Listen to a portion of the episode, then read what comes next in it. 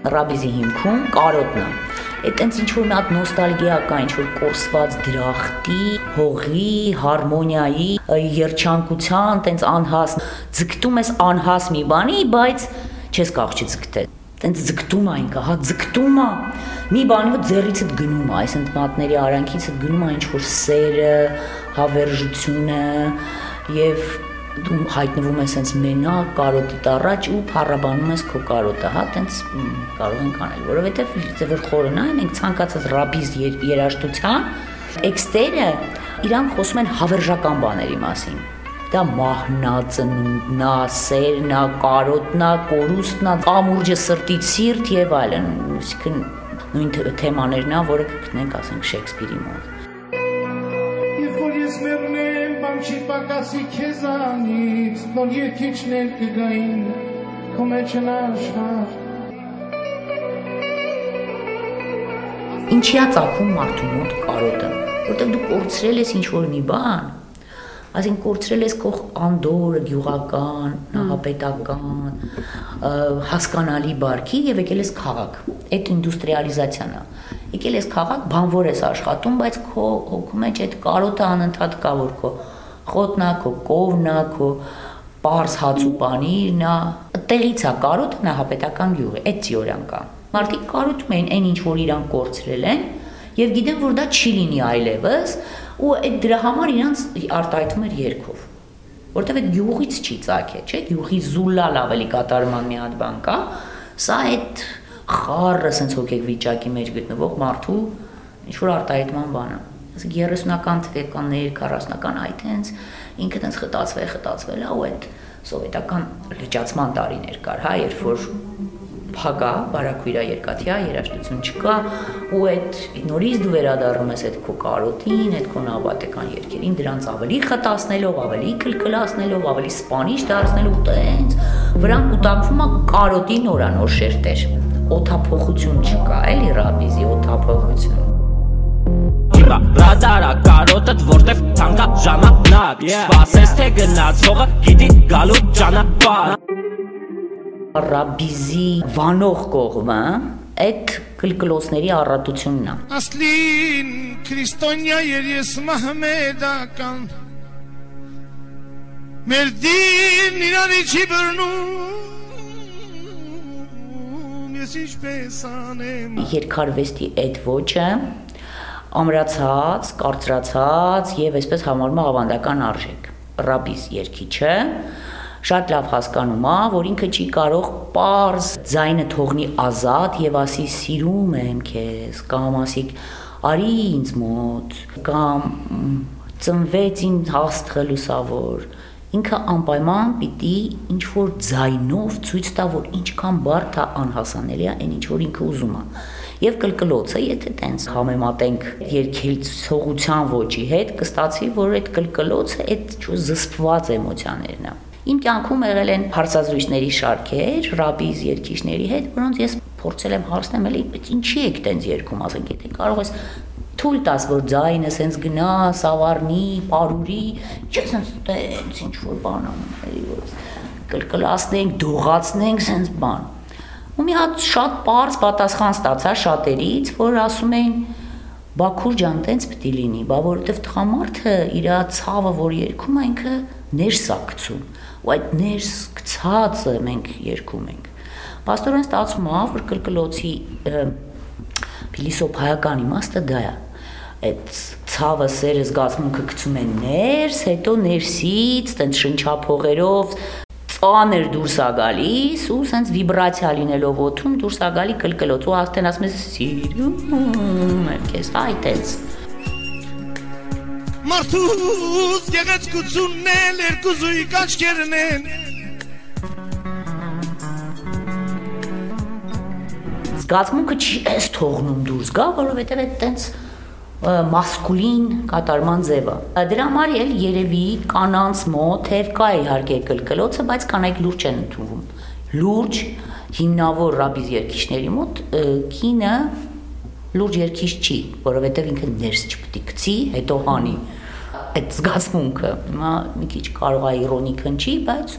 մարդիկ ինձ տենց բացատրում էին, որ հա, դա իմաստը դա է։ որ հարցնում ես նաև իսկ փորձել եք երկեք ուրիշ ոճի, թեև այդ նույն տեքստը որ վերցնենք, տեքստեր այդ երկերի եւ երաժշտությունը անգամ ուրիշ ոճը մեջ դնենք առանց կլկլոցի, կարող լրիվ ուրիշ էֆեկտ ստանա, բայց իրանք երբեք դա չեն անի, որովհետեւ նախ չեն կարող, տենց են վարժված, Եվ երկրորդը հասկանում եմ, որ լսարանն էլ է այդ ուզում։ Այսինքն դա կամուրջա տղամարդուց տղամարդուն տղամարդը հասկանում է ինչա նշանակում ներս գցած էմոցիան։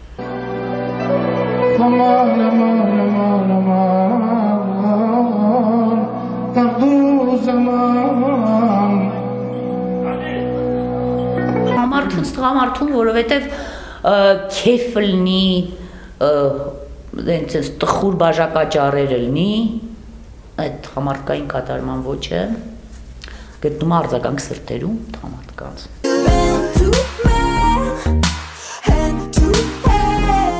Սովետական ժամանակ կար այդ վարչությունը, չէ, ինչ էր, վարչություն էր, որ Ջիվան Գասպարյանը ղեկավարն էր։ Այդ օղակ էր։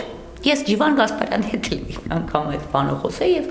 ասենք հա ինքը սպասարկման ոլորտի երաժիշտներ էին իրանք։ Կային բարձր ոլորտի, ոնց որ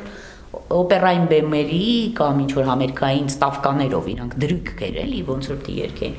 Եվ սա ավելի ցածր էր համարվում սպասարկման ոլորտ։ Եվ ինչ պետք է սпасարկի երաժիշտը թաղում հարսանիք հիմնականում կնունք։ Պարզա որ պիտի երկեին այն ինչ որ ուզում են շատ մարդիկ հավաքված սեղանի շուրջ, ուրախ թե տխուր, շնորհակալություն չունի, բայց դա սեղանի շուրջ է, այդ ուսուսի տված, ընդհանուր մի ցավ կիսելն է, երջանկություն կիսելն է, ծնունդ կիսելն է։ Շերինգ գաղափարը շատ լուրջ է արաբիզի մոտ, որովհետև հենց այնպես չի ինքը կամուրջա մի սրտից մյուս սիրտը։ Դրա համար էլ ասում եմ, այդ հավերժական թեմաները կան՝ սեր, ծնունդ, մահ։ Հիմնական կյանքը դա է։ Ծնունդ, սեր, մահ, ուրիշ ինչ։ Այդ դա ռաբիզն է։ Քանի որ ինքը տենց եղել է վարչություն, ռաբիզի, այդ աշխատավորական արվեստի, բարձա որ ինքը չի դուրս եկել ուրիշ հարթակներ։ Ինքը տենց մնացել է այդ խնջույքի եւ հոգեհանգստի սեղանի շուրջ Եվ դրա համար էլ որ ցանկացած ուղություն, որ ինքը տենց բարփակվում մնում է մի հատ փակ տարածքում, սկսում է փտման process-ի ենթարկվել։ Ռաբիզը տենց չի ունեցել մի հատ շանս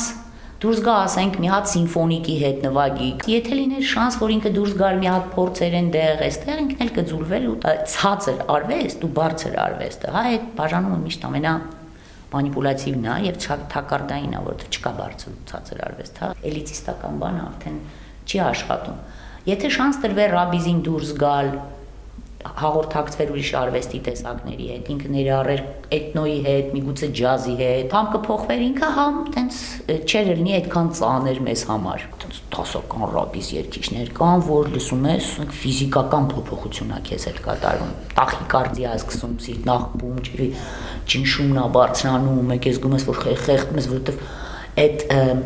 կլկլոցը եւ այդ ոճը, այդ երկեցիկ, այդ այդ վիճակը ասած մի հատ քեզ խեղդում է։ Հայրիկ ինձ մի կույրացու, չէ որ ես քո որդին եմ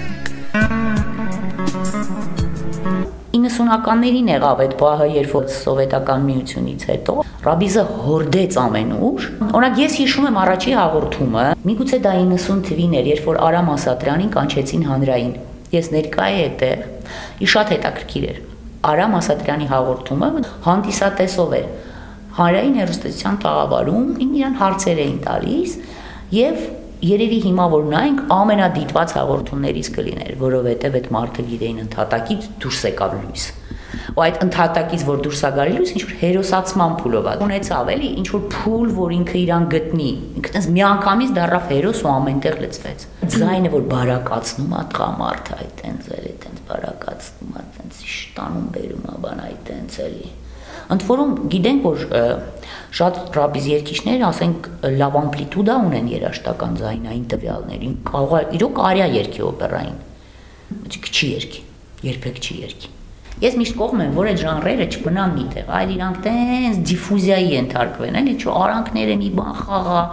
շողա։ Հասկանում եք ոնց է ռաբիզը ես չեմ կարող համարել իրան զանգվածային արվեստ։ Ինքը ընդհատակյա արվեստ է որը եկավ լույս աշխարհ միանգամից առանց դիմադրության, երբ որ սովետը վերջացավ։ Դրա համար Իրան վերլուծելը